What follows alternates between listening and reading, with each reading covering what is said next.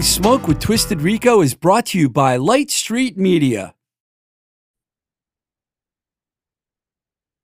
The Blowing Smoke with Twisted Rico podcast is supported by Baby Loves Tacos, Pittsburgh, PA. Check out Baby Loves Tacos, pgh.com. Baby Loves Tacos, where everybody eats. Blowing Smoke with Twisted Rico is also supported by Joe's Albums and its two locations in Worcester, Massachusetts and Northampton, Massachusetts. Check them out at joesalbums.com.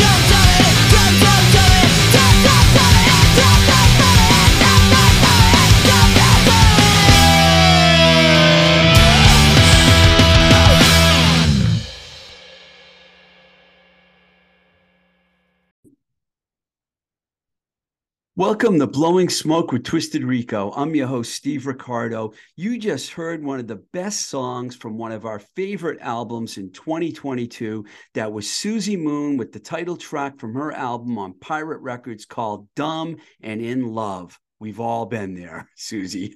It's a great album, uh, one of our favorite albums of the year, and we're definitely excited that Susie will be joining us on the show later this month. That should be a really fun interview. She's a awesome West Coast punk rocker who's been at it for a while, and her story is a real good story. So, really looking forward to that. All right, I hate to bring everyone down here, but it's been a real drag to start the year off and start this show off with some sad news. Our longtime friend, heavy metal champion, writer, podcaster, filmmaker, music fan, all around nice guy, Bob Nalbandian, passed away this past week. We just got the news literally yesterday. I just found out. Uh, we had had a great talk with Bob when he was on the show in 2021. Uh, in fact, we're going to re release that episode for you next week as a tribute to him. And um, God, it almost leaves me speechless. Um, stay tuned for that. If you want to watch the Zoom interview that Bob and I did, it is up on YouTube. It will be the same show, but the full show is what we will be releasing. Um, rest in peace, Bob. Sad to see you go. Okay, now we are going to play you a conversation that we had with our good friend Cowboy Mark Bell, leader of Boston rock legends Thunder Train, and he was also the singer in the Joe Perry project on the album Once a Rocker, Always a Rocker. Had a lot to do with the songwriting on that record and played a big role with that band. That was the version of Joe Perry's band that did the most touring. And Mark wrote a book all about his time in the Joe Perry project. Uh, and now he has a new book but he's also going to tell us about the ordeal that he just went through. He suffered a devastating heart attack. He talks about the whole thing. And yes, by the way, he is okay. And uh, this is his third visit on the show, which puts him in some elite company. And we certainly had a blast talking about him and his new book, which is called I Gotta Rock. He shares some stories from the book uh, with us, along with some other cool stories, including, uh, once again, every time he tells his story to me or he told it on the show or he tells it to anyone, it's a great story. He's going to talk about that incredible night that he was part of back in 1977 when Thunder Train opened for the Runaways, and uh, some various famous rock stars showed up at the show at the Rat in Kenmore Square. And the way he tells the story is truly fantastic. So um, we're not going to waste any time. We're actually going to get right to this right now. So here I am doing a Zoom interview with the one and the only Cowboy Mark Bell. Greetings, cowboy. Steve Ricardo, great to see you, my friend. You're still blowing smoke. Yeah. It's it's like a lifelong ambition at this point. Just like you got to rock your whole life, I got to, you know, blow smoke my whole life, you know. so I have to ask you, man, uh, how how you doing health wise, you know, and, and if you want to talk about what you went through, I'm sure my listeners would love to hear how you're doing. Yeah, well, I mean, I don't know if any of your listeners know who I am or how I'm doing. I uh, six weeks ago, I I was driving to band rehearsal, and uh, I had a heart attack. Um, I'd been having some uh, weird things going on ever since the summer.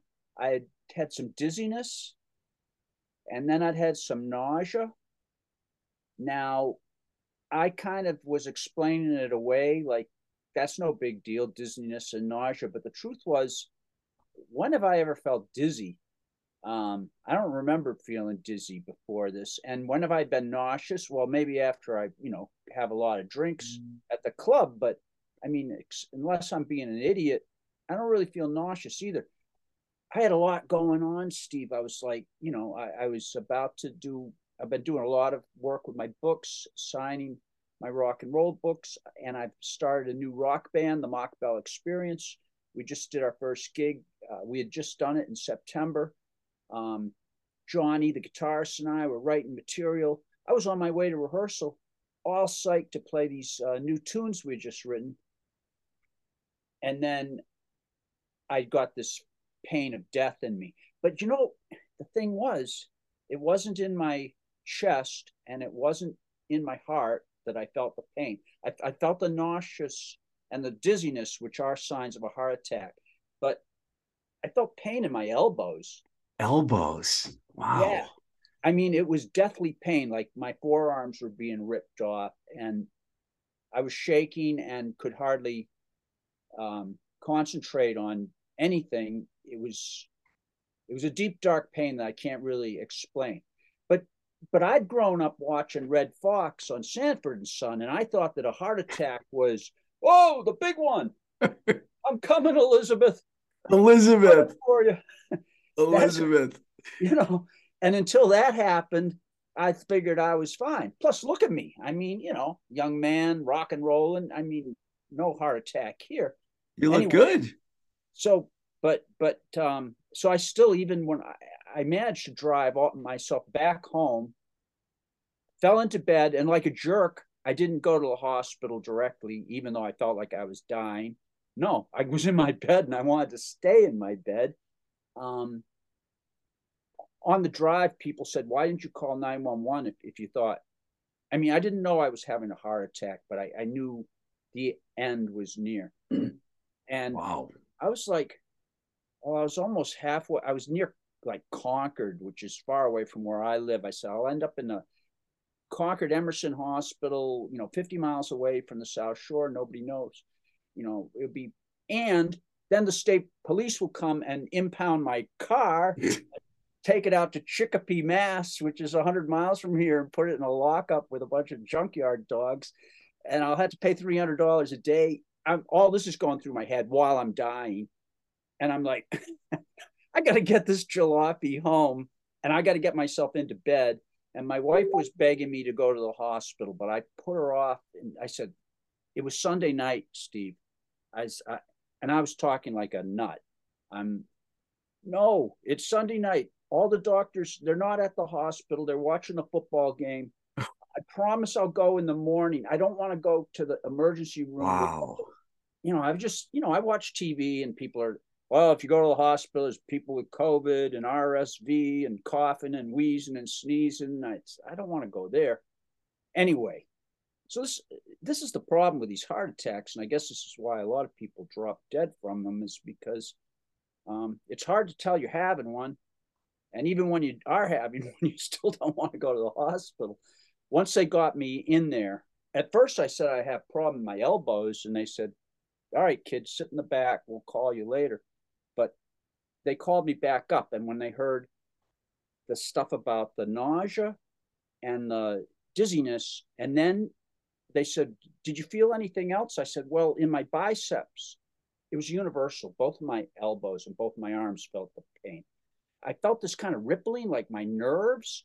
Mm-hmm. And the mm-hmm. nurse said, uh, Oh, nerves. You felt, uh, um, uh, what'd she say? Uh, twit, twit, twitching in your nerves uh, that that was another red flag for them. And then they put me around the corner. They gave me a blood test that I failed miserably for, for my heart. Numbers were, and then the EKG, terrible. Then they spun me around a corner to the cath lab. I watched them put a camera up my artery of my uh, right arm and went across into my chest. I watched they they'd given me they said they'd given me some kind of anesthetic, but I was wide awake. And they're spraying spray paint inside my heart, and they're looking. We're going to see which way it goes. And the paint's just sitting there. And they said, "Guess it's not going anywhere."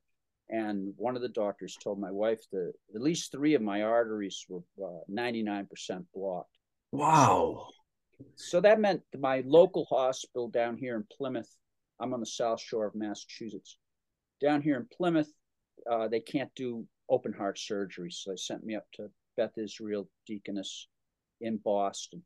And open uh, heart surgery. Wow.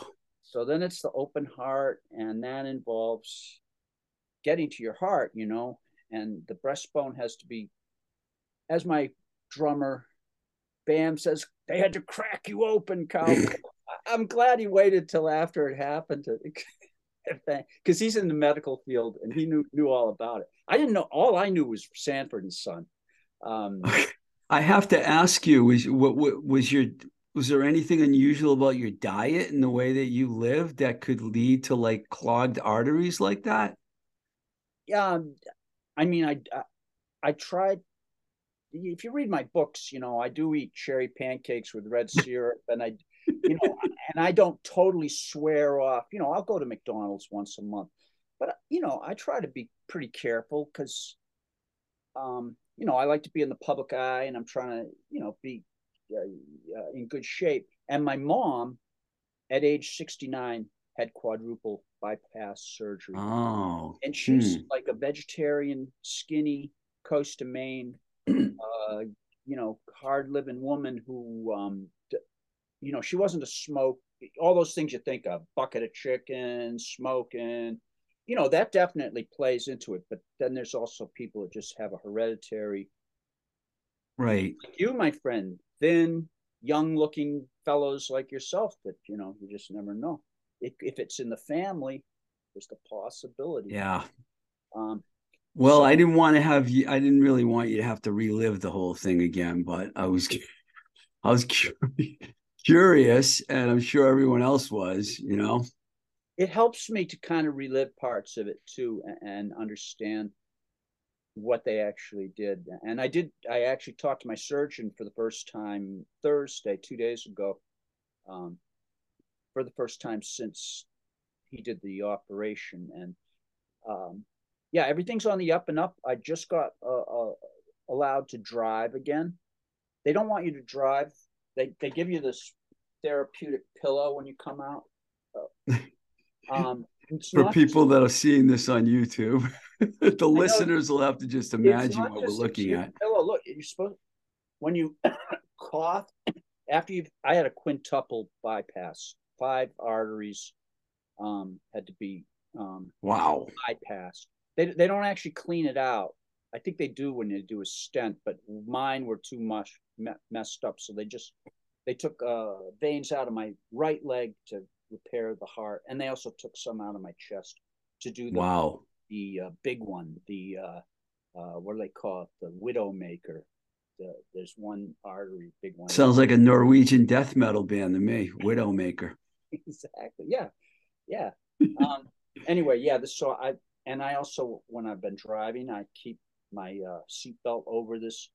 It's supposed to be so if the airbag explodes in your car, you, the heart surgery doesn't all pop. Holy shit! All right, I think it's time to start talking about music. yeah. uh, you know the last you know last couple of times you were here and by the way you're in rare company now because you're a three-timer on my show. There's only a couple other people. But the last time we were on, we really got into your first book, Once a Rocker, Always a Rocker. And the second time we spoke about Thunder Train in detail. And since then, you put out another good book. I'm seeing good because I'm five chapters into it. I Gotta Rock. Uh, congratulations on that, man. I Gotta Rock. Yeah, it's a beauty, man. And so far, I'm going to talk to you about the what what, what I've read so far because you just blew me away, dude. Um, I Gotta Rock. It starts off with a very descriptive, well written review of the first concert you ever went to, the Jimi Hendrix Experience, playing at a venue called the Carousel. Is that was that the name of it in Framingham, Massachusetts, where we actually met uh, where you were where you paid five dollars and fifty cents to go to the show, and I love the detail of your review review from the stage setup, the set list to the greasers yelling for the song "Fire." While reading along, I could I could actually picture the whole scenario. The part about the snare drum was pretty cool. All that. Have you ever written like that before? Because that was really good descriptive writing. Thanks. Uh, yeah, you know, my writing began with screenplays. I, I wrote, um, I make my own films, and uh, I was working with kids mostly, and I wrote lots of, a lot of them were science fiction. Sometimes they were like rescue shows, Danger Rescue Team 300.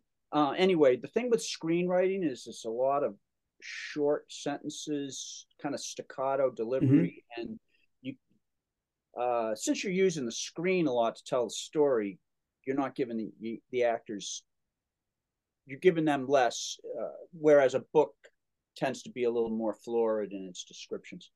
Um, i tend to stay more with my screenwriting um, i keep it short fast efficient and you know I, I like to put i put in details that rockers might find interesting you know uh, that not everybody would probably talk about. Or fans of the rockers like me because i really enjoyed your description of the stage setup and everything.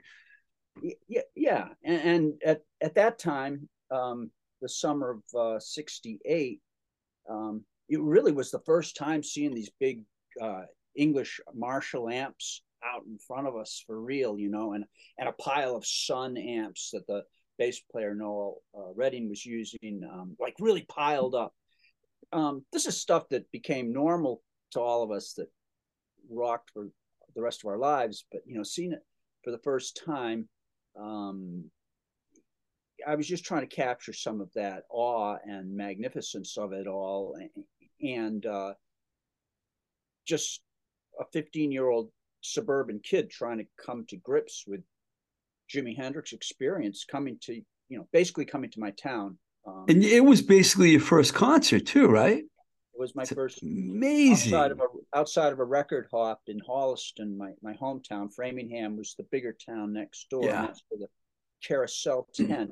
It's really just, it was a tent, and it started out being um, more um, uh, middle of the road acts like Robert Goulet and Jerry Lewis, the guys you used to see on Ed Sullivan when you were waiting for the Young Rascals to come out and play, and you'd watch all these uh, Sergio Franchi or whatever their songs. Um, Sergio Mendes in the Brazil '66. Yeah, is that what yeah. you? Were?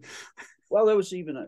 I'm going back, but anyway, um, but but the promoter of the carousel was Frank Connelly, who before Don Law he was our promoter here in New England. He brought the Beatles to Suffolk Downs and to the Boston Garden.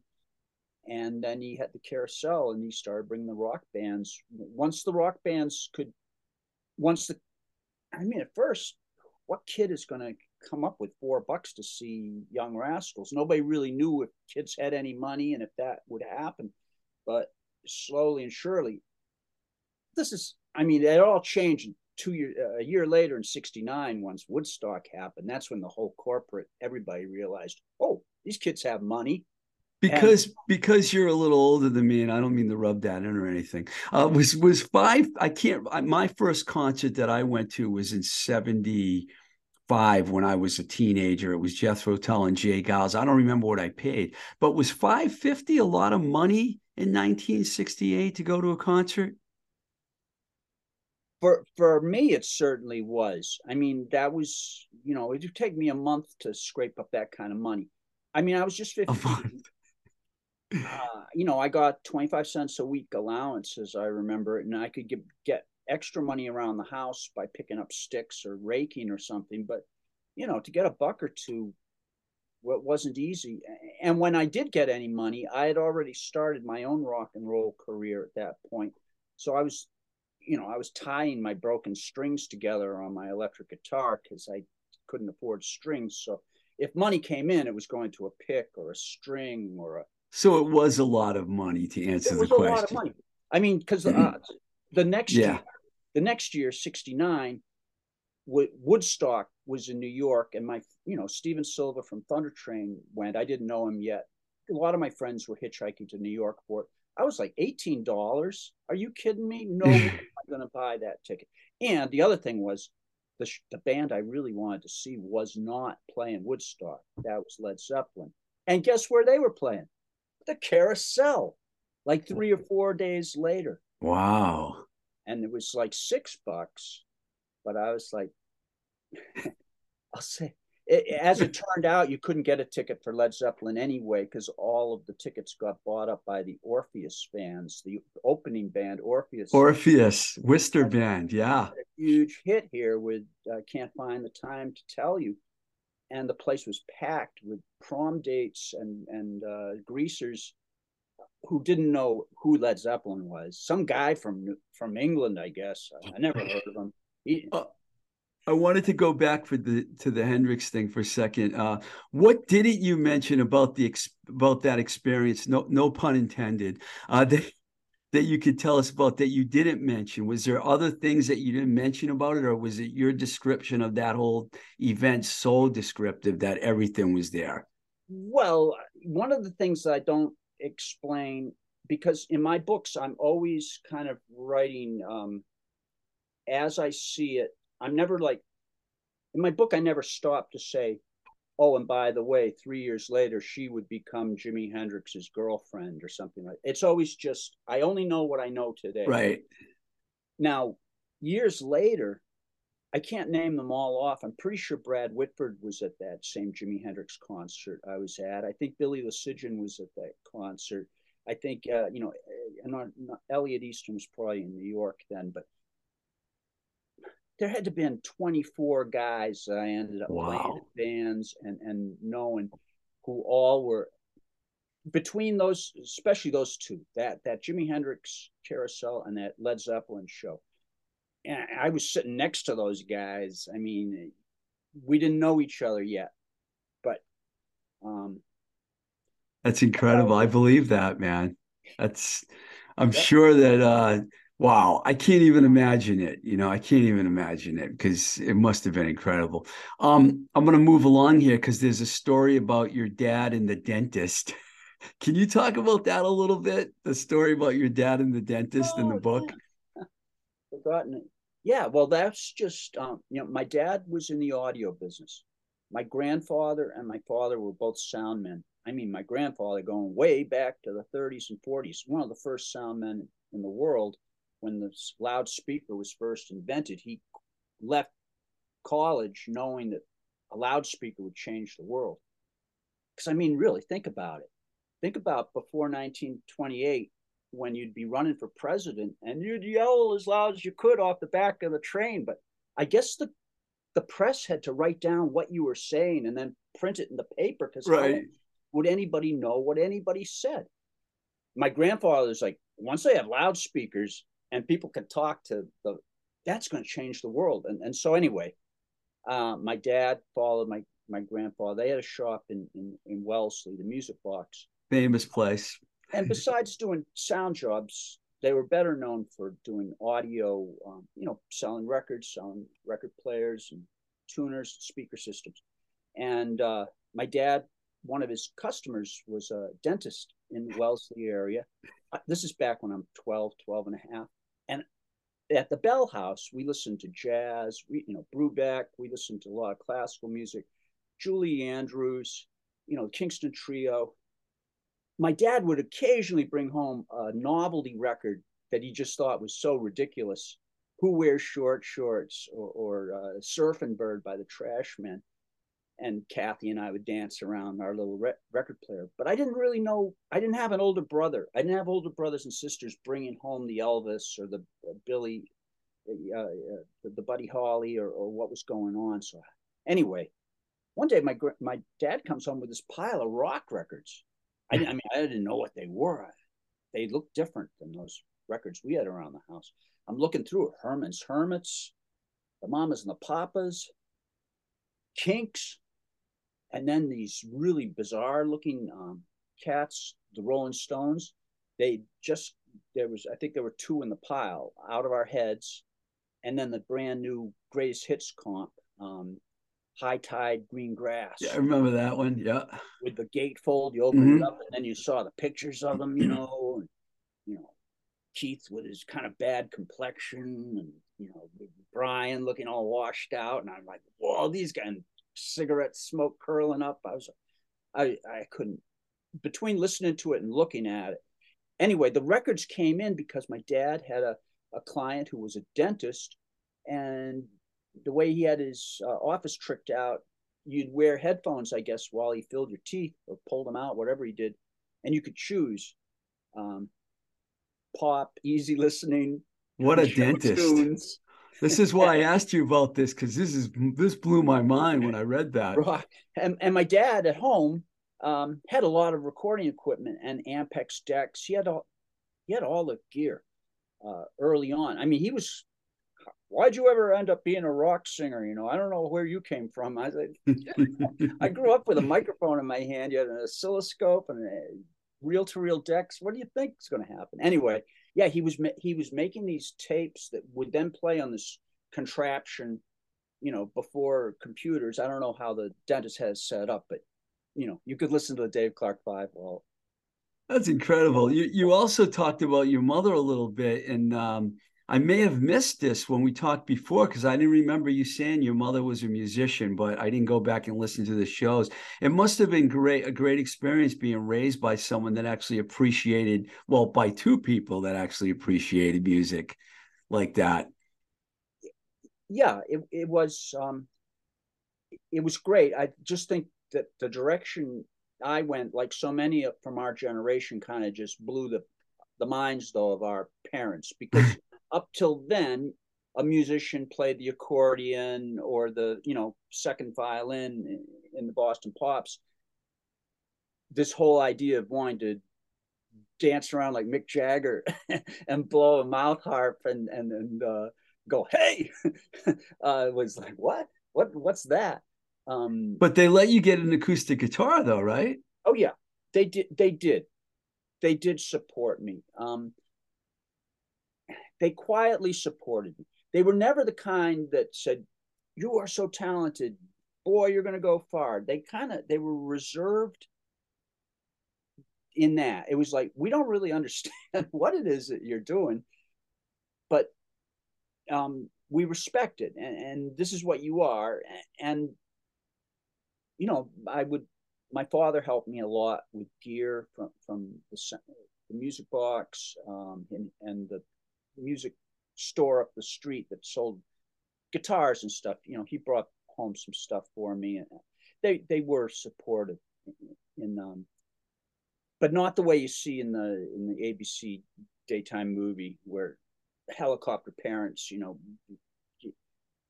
I, but you know that that's I, I, try to get that across in the book. Um, besides my rock you do. adventures, I try to talk about growing up and without getting too much, you know, I don't want to get all into this is my grandparents and this is where I came from. I just drop it in here and there. It was good. And you also, you also, I was really taken by how much you and your friends were into music and not just a few bands, but a huge variety of music. Because I remember when I was in high school, I knew I had a whole bunch of friends that were into Kiss and they thought I was a weirdo because I like Queen. And then there was one dude that liked Mahogany Rush, and then there was another guy that was into all Clapton stuff.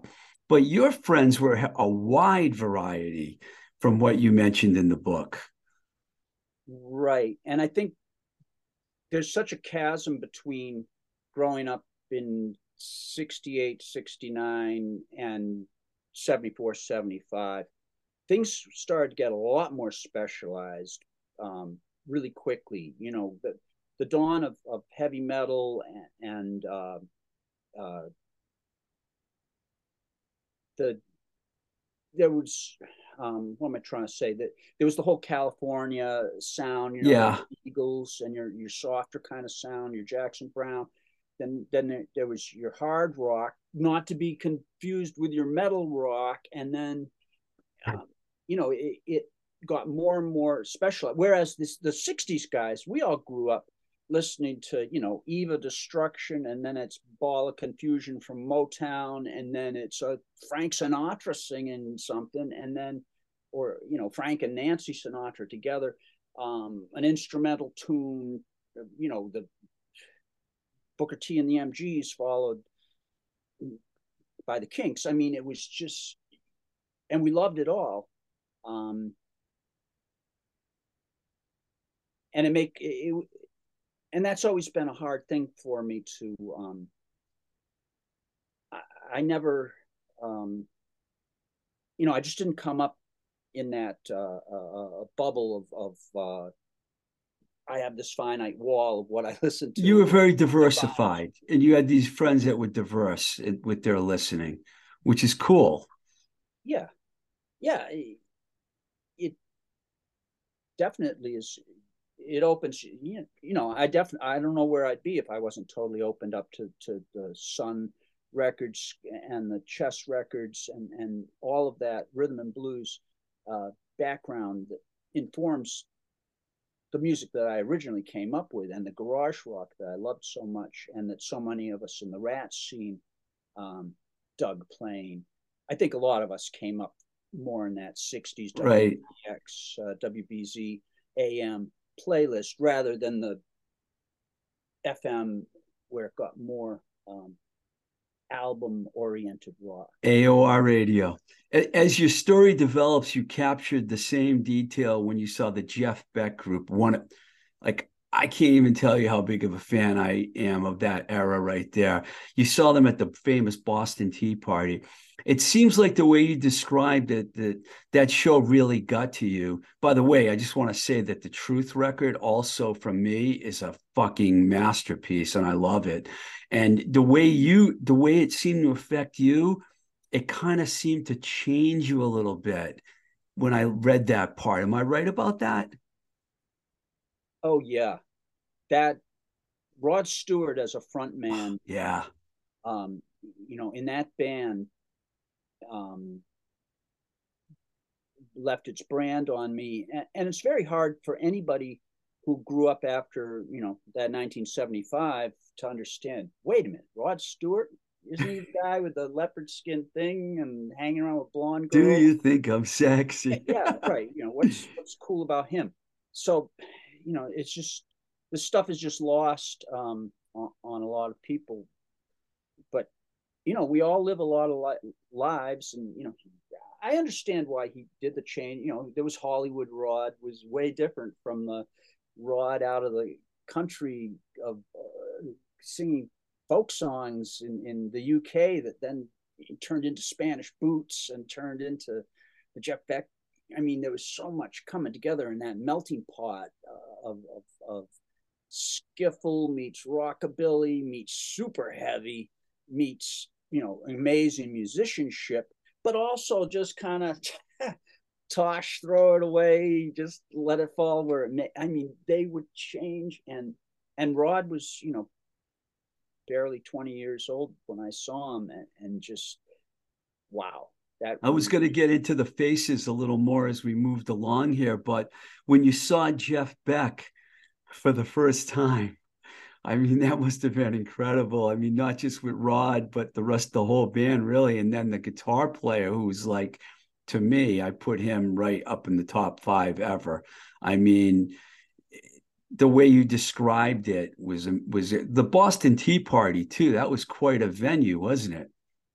Yeah, I hope that my description came across. I tried to tell a bit a bit of what it was like going up those stairs and entering the room and seeing all the projections. yeah, the vibe of the room because um, I don't see that much written about it. Um, you know, I tried to uh, in I Gotta Rock really talk about our Boston scene, and what I what I'm finding, Steve, is that people from Ann Arbor say, "Wow, it's almost like you're describing."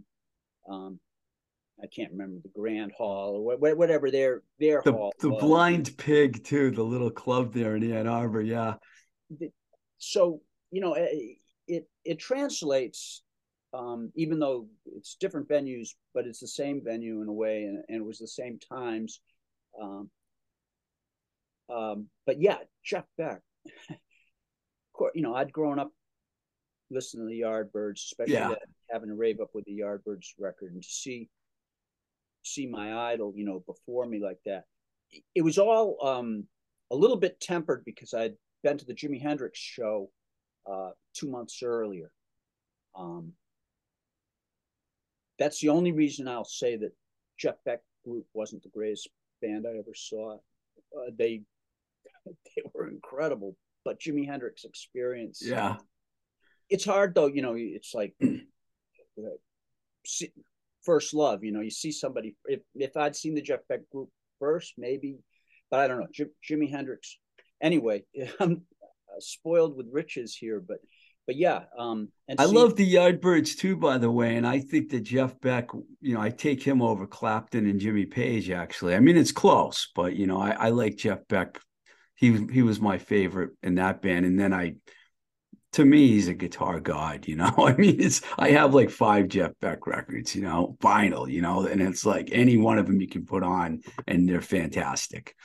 Oh yeah, and you just know it's him in every phase of his career. His his sound is. Uh, the, the detail of the book, which is uh, it just continues to be immense as it continues, and I especially enjoyed your study of Steppenwolf, a mm-hmm. band I adore. The put the song the the Pusher, which I think you mentioned you covered in one of your bands, and the Monster album.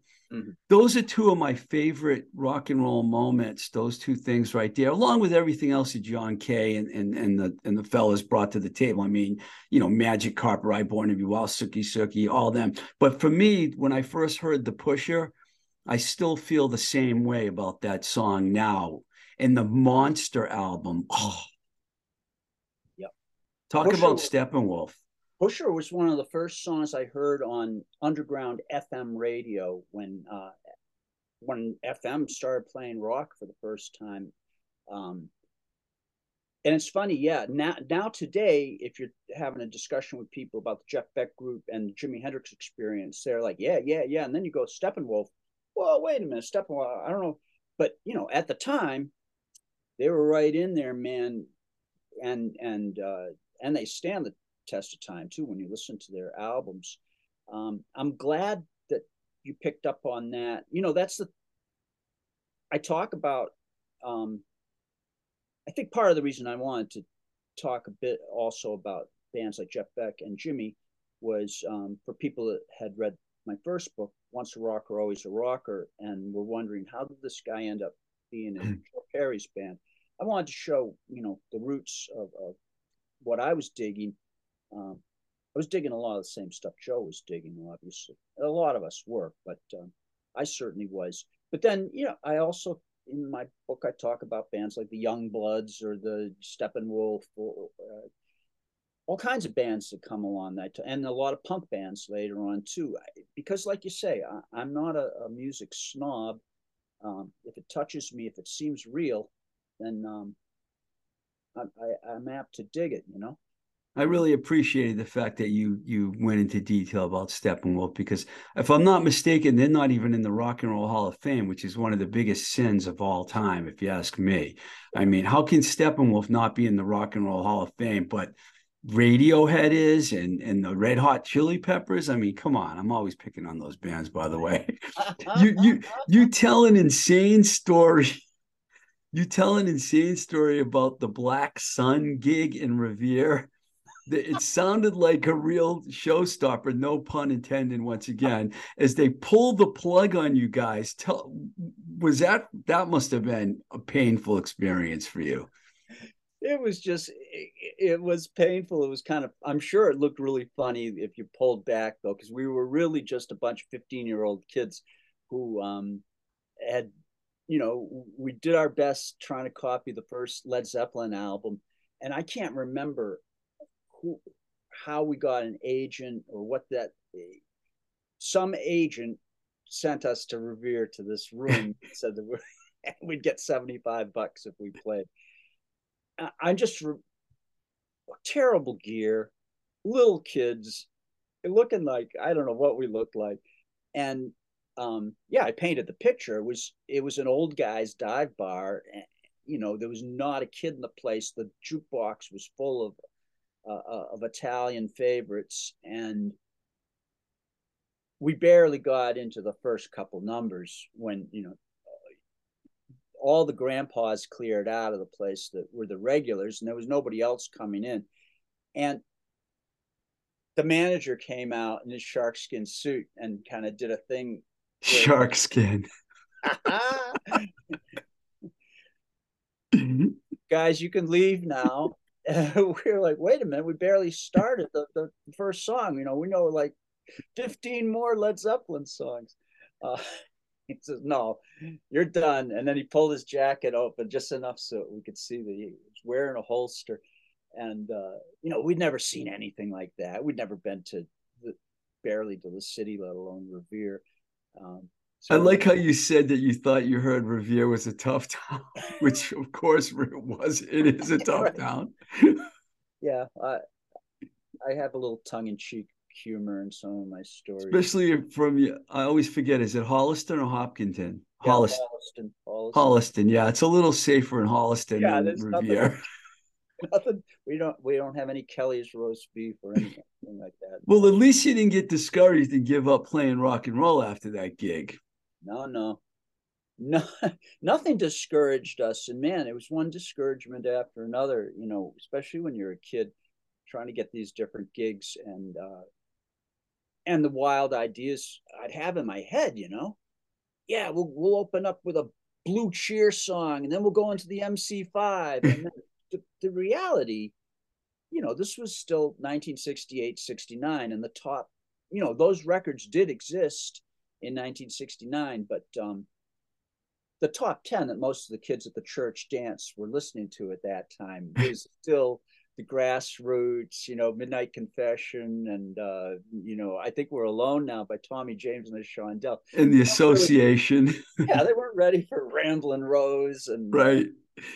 uh, so, like I had mentioned, I only got to like chapter four in the book, but I did see a chapter uh, with the Faces in it, one of my favorite bands, and we talked briefly about them. And what I was, and you mentioned Rod Stewart, which I'm glad you did because he put six records out in like three years, three solo and three faces. Mm-hmm. Was he really when you saw him, was he kind of someone you were thinking about modeling yourself after a little bit as a singer, or or or was there other people? Because you seem when I when you mentioned him before, you got excited, and I I think early Rod is amazing myself. Yeah, well, that was the confusion was starting with um see with Jimi Hendrix, he was kind of doing what I was doing. I was not quite doing it like Jimi, but I was I thought of myself as a guitarist first. yeah. I couldn't find anybody to sing, I'd sing. And that's kind of how Jimi always acted. He was like, I know what I'm doing on the guitar, and since nobody else showed up to sing, I'll sing. Now I happen to love Jimi's voice. I can't imagine anybody else singing those songs than Jimi Hendrix. Um, but so so I I'm like, yeah, I'm. But when I saw Jeff Beck, and I went in thinking, you know, this is going. to I'm all I'm going to do is look at Jeff Beck. But then you go in, and and then the Jeff Beck group turns out to you know be Ronnie Wood on bass, yeah, killing it and flashy as all hell. Nicky Hopkins on piano. He had his back to us, but still, you know, it was Nicky Hopkins. I knew the name well from all my favorite Kinks and, and Rolling Stones records. Uh, and then this singer, this rooster singing, and all of a sudden I'm I'm staring at Jeff Beck, the what I'm supposed to be looking at, but I keep looking at the singer. Um, and that's when I started to have this. Um, uh, I didn't didn't uh, process it as that yet, but I know that something was pulling me. That that's where that's where you're destined to go, man. Into the, the center. Wow. Listening to those first I mean, uh, that first Rod Stewart solo album, everybody talks about Gasoline Alley, uh, which is great, but the one before it, one's that just called the Rod Stewart album that opens with Street Fighting Man and has handbags to glad rags. Now that album, um, brilliant. And you know, you listen to that, and I'm like, I'm never going to be a singer. I, you know, I not can't compare to this guy. Uh, so it didn't like it didn't inspire me to start singing. But on the other hand, I could kind of stand like he did, and I watched how he threw his microphone around, and I would mess around with all that stuff. Um, I don't know. The gears started turning. It, the, a voice is a very, it's such a personal thing, and I don't know anybody that listens to their voice message on their answering machine goes, "Oh, that's brilliant." I love that. You know, everybody, nobody ever likes hearing their voice. Um, so it's harder. Um, but I, I, came around. I came around, and and also it was just it was kind of like with Jimi Hendrix. Um, nobody else is showing up to sing, so I'll sing. That's kind of nobody with my bands. Either I'd hire a singer, but he'd be such a flake. He'd either be staring at himself in the mirror, combing his hair, and forget to come out, or else he'd come out and then freeze. He could sing in the shower, but he couldn't sing in front um, what I'd been gathering in my years of just playing record hops and teen centers is just the I was getting used to being on stage. I was getting used to working with crowds, and uh, it's that lion tamer thing, you know, just being brave. Since I don't, since I don't know if you actually saw the faces alive, because we didn't get, I didn't get that far in the book. I loved Ronnie Lane and and Ron Ron Wood and Ian McLagan and uh, Kenny Jones. I mean, I, I mean, I never. I'm a big Steve Marriott fan, so I never imagined because I, you know, I was too young. I didn't know that you could go from the small faces of the faces and not really lose anything, and actually, you know, I love humble pie too. Don't get me wrong, but I mean, I think that the faces actually might be a little better than the small faces. I mean, what's your opinion of that? Well, that's hard because they're just two incredibly brilliant bands. I saw the Boston debut of the Faces when they first played. They by now the uh, Boston Tea Party on Berkeley Street had closed and had moved to a slightly larger Boston Tea Party on Lansdowne Street. Um, and um, the the Faces, the first time I saw them, they were support act. I think Lee Michaels was the headliner, and uh, the Faces was support and yeah, that was kind of we didn't really know too much about it. Um, just that Rod mentioned that Rod Stewart and the faces, and we assumed we'd see some of the small faces. I wasn't. I don't think I knew until I got there that Rod's bass player, Ron Wood, would suddenly be playing guitar. That was kind of amazing. Um, but yeah, the band grabbed us from the beginning. I love Ronnie Lane. Oh, I loved. He's no longer with us, but I loved him. Yeah, his he was great on stage. and His songs were fantastic, and and such a the camaraderie, the the feeling on stage of that band was what really took me and and and what I wanted for Thunder Train and Joe Perry Project and and, and every band, um, the real brotherhood. Um, I'm going to talk about something that we did talk about before because this is the one thing that everyone always talks about, and I want you to tell the story again because I know you told it before. I'm going to ask you about that night that Thunder Train opened for the Runaways at the Rat because it seems to go down as one of the most historic moments in, in Rat's history. Everyone talks about it. Tell me about that night and tell me about the people that showed up and the whole thing. Yeah, it was a uh, definitely an exciting booking uh, in March of '77. It was, um, you know, the Rat had kind of been around in 75 and 76 and then in the end of 76 suddenly the, the accelerator pedal got stepped on jimmy harold the proprietor of yeah. the rat had uh, raised enough money uh, to uh, record a bunch of us and do the live at the rat album the comp album that came out in the spring of 77 at the same time um, a bunch of the CBGB's bands were looking to expand out of CBGB's bands like the Ramones, uh, but a lot of them needed a slightly larger uh, space on stage than we had. So the Rat expanded the stage in the beginning of 77. The Thunder Train Road Crew actually wired it and did a lot of the work to expand the stage. And the Runaways was the band that definitely had uh, a rider that said they needed that, that space. Um, I don't know if Thunder Train was rewarded for doing that, our crew doing that work on on building the stage, or I can't remember. But anyway, Jimmy hired us as one of the bands to open for the Runaways. The uh, the Runaways were supposed to play three days.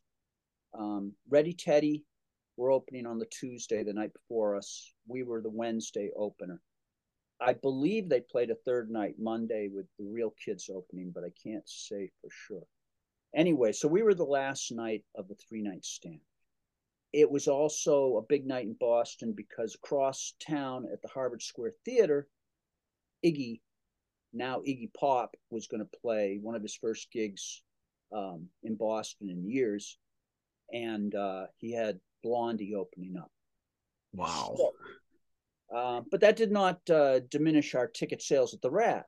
Place was friggin' packed, and Thunder Train was super excited to share the dressing room with the Runaways. We couldn't wait for that.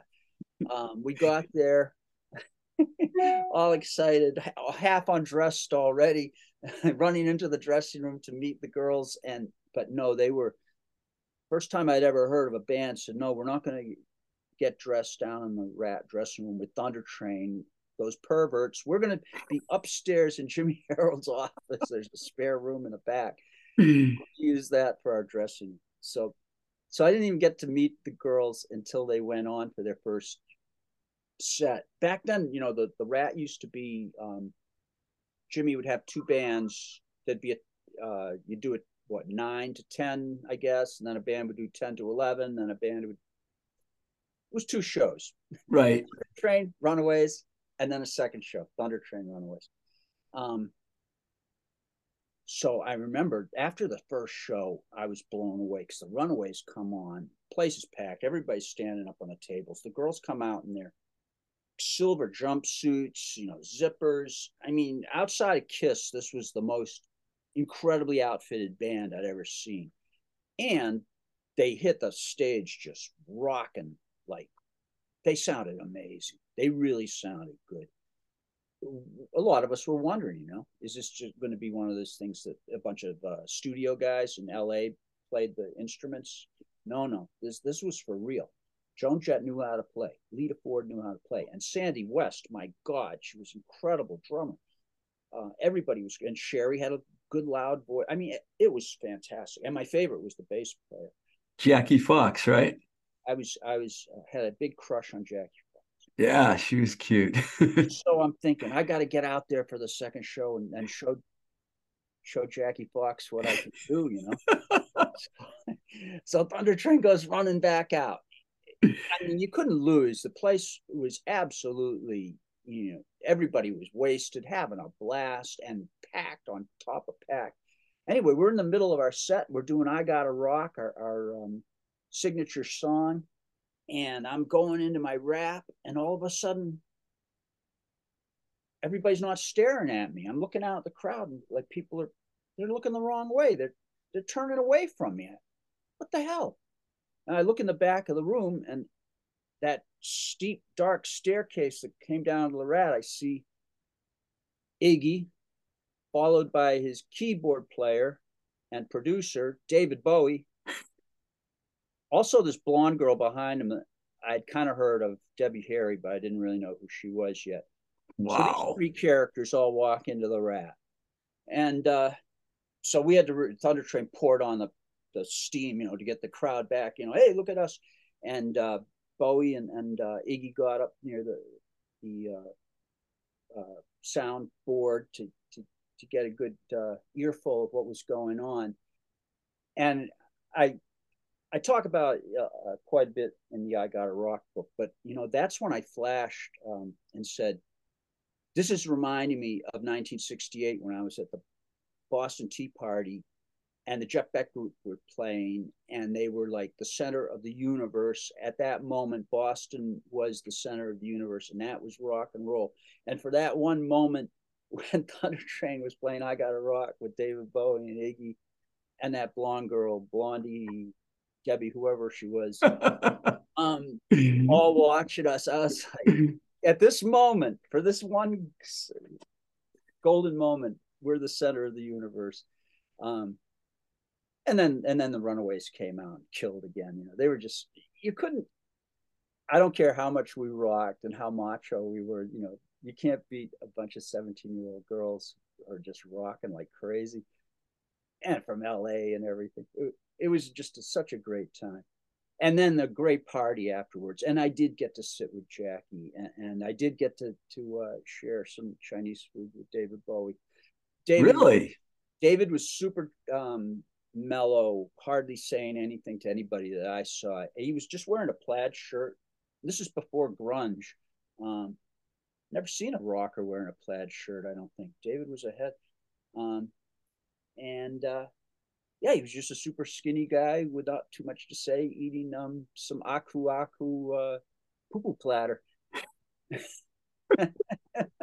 well, thank you for that because I knew that you could tell the story better than anyone because everyone says they were there. You know how that goes. Oh, yeah, I was there that night. Yeah, okay, sure. I know someone that was definitely there. So before I let you go, I want to ask you. So now that you're re- hopefully you're recovering, are you going to try and get back the band going again and try to play some gigs and stuff? I mean, are you or do you need more time to get well? I've got a I've got my first out of town date booked for March 18th. Um, and I'll either make it or I won't. Um, up in Portland at Geno's. Good uh, club. Uh, Mach Bell Experience. Uh, and that should be great. And we got Tiger Bomb with us. So if I do expire, we got Tiger Bomb. So don't worry. That's a real good band. Real good band. incredible. They're my favorite. Um, yeah. So I'm absolutely uh, and and a week before that is my first book signing. So I'm looking to get back into business in March. I don't know if I'm going to be hanging from the chandeliers from the get go. I might be doing a little bit more of the uh, uh, what's his name, Jim Morrison, uh, Mike Stan Lean. Um, but you know, we'll see. I, have been out trying to walk a mile a day, and I've got a lot of cardio rehab about to start up. So the the docs tell they tell me that once my heart starts, you know, really pumping again, um, well, it's pumped. Once I get a little more, uh, I should be pumping more blood than I have in, in, in a decade. And who knows? I could well, I hope I get to see you play, man. Yeah. Definitely. Hey, thanks a lot, man, for coming on the show for a third time. It's always good to talk to you, Cowboy. And uh, I'm glad you're doing good, man. I really am. Thanks so much, Steve. Keep up the good work with blowing smoke. I'm proud of you keeping it going for all these years. Thanks, man. You take care of yourself. I got to rock. I got to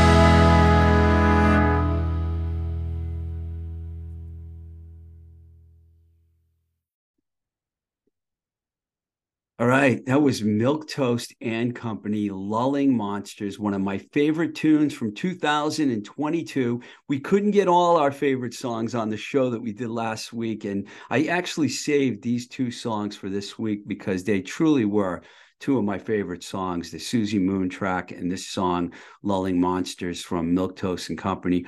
Of course, James Mc, uh, James McAndrew, very close friend of mine, was here from Denver not too long ago. You can hear that episode in case you missed it. It's a real good one. So, Mach Bell, Cowboy Mach Bell, what a cool dude, man. Very happy he's doing better. It was great having him back on the show. And some of those stories, man, were fantastic. I mean, I can't believe he saw Jimi Hendrix and the Jeff Beck group and and Steppenwolf and all those bands in the in the 60s, you know? I mean, it's like what a time that must have been. and I was so happy when Cowboy agreed to come back on the show. I mainly wanted to find out how he was doing and let everyone know how he was doing. And you could probably tell he's doing pretty good. In fact, you could watch the Zoom interview of this show if you want on YouTube, and uh, just the the Zoom portion, just the interview portion. Uh, but I would definitely check it out if you want to see how good he looks because he looked great. Blowing Smoke with Twisted Rico is a free show supported by you, the listeners. And if you want to contribute to this show, there are two ways you can do that. We have a Patreon account, patreon.com forward slash Twisted Rico. And you can also support us on Anchor, our homepage, anchor.fm forward slash Blowing Smoke TR. If you've not subscribed to our pages on Apple, Spotify, YouTube, etc., please do so so you can stay updated on what's happening with the podcast. Rating and reviewing us on Apple, especially, will only take about 30 seconds, probably less than that. So it'd be actually very greatly appreciated if you could do that. Also, if you're an artist, musician, producer, music writer, comedian, actor, sex worker, etc., and you're interested in coming on the show, we now have a booking agent, Shayna, who you can reach at Booking Blowing Smoke with TR at booking blowing smoke with tr on instagram or by email booking blowing smoke with tr at gmail.com you should actually check out the instagram page she put together because she puts a lot of her own cool content up there in regards to the show and she's doing a fantastic job with that. You can also follow me on instagram at twisted rico and also at blowing smoke with tr and we're on youtube and facebook and at twisted rico on TikTok. And I want to take this opportunity once again to thank all the supporters of this show, including this week's sponsors, Baby Loves Tacos, Joe's Albums, and Light Street Media, as well as everybody on the Patreon and Anchor pages. It's your support that keeps this podcast going. And I really appreciate it very much. So, till the next time we say goodbye, this is Blowing Smoke with Twisted Rico. I'm your host, Steve Ricardo. Keep the rock and roll alive. Blowing Smoke with Twisted Rico is brought to you by Light Street Media.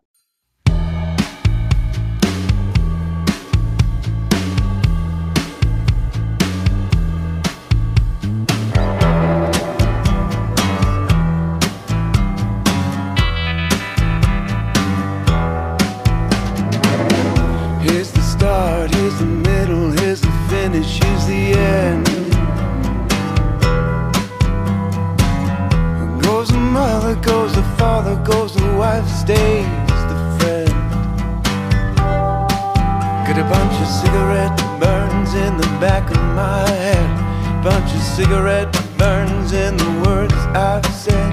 If I die tonight, all the hand inside and know that I was never meant for a normal.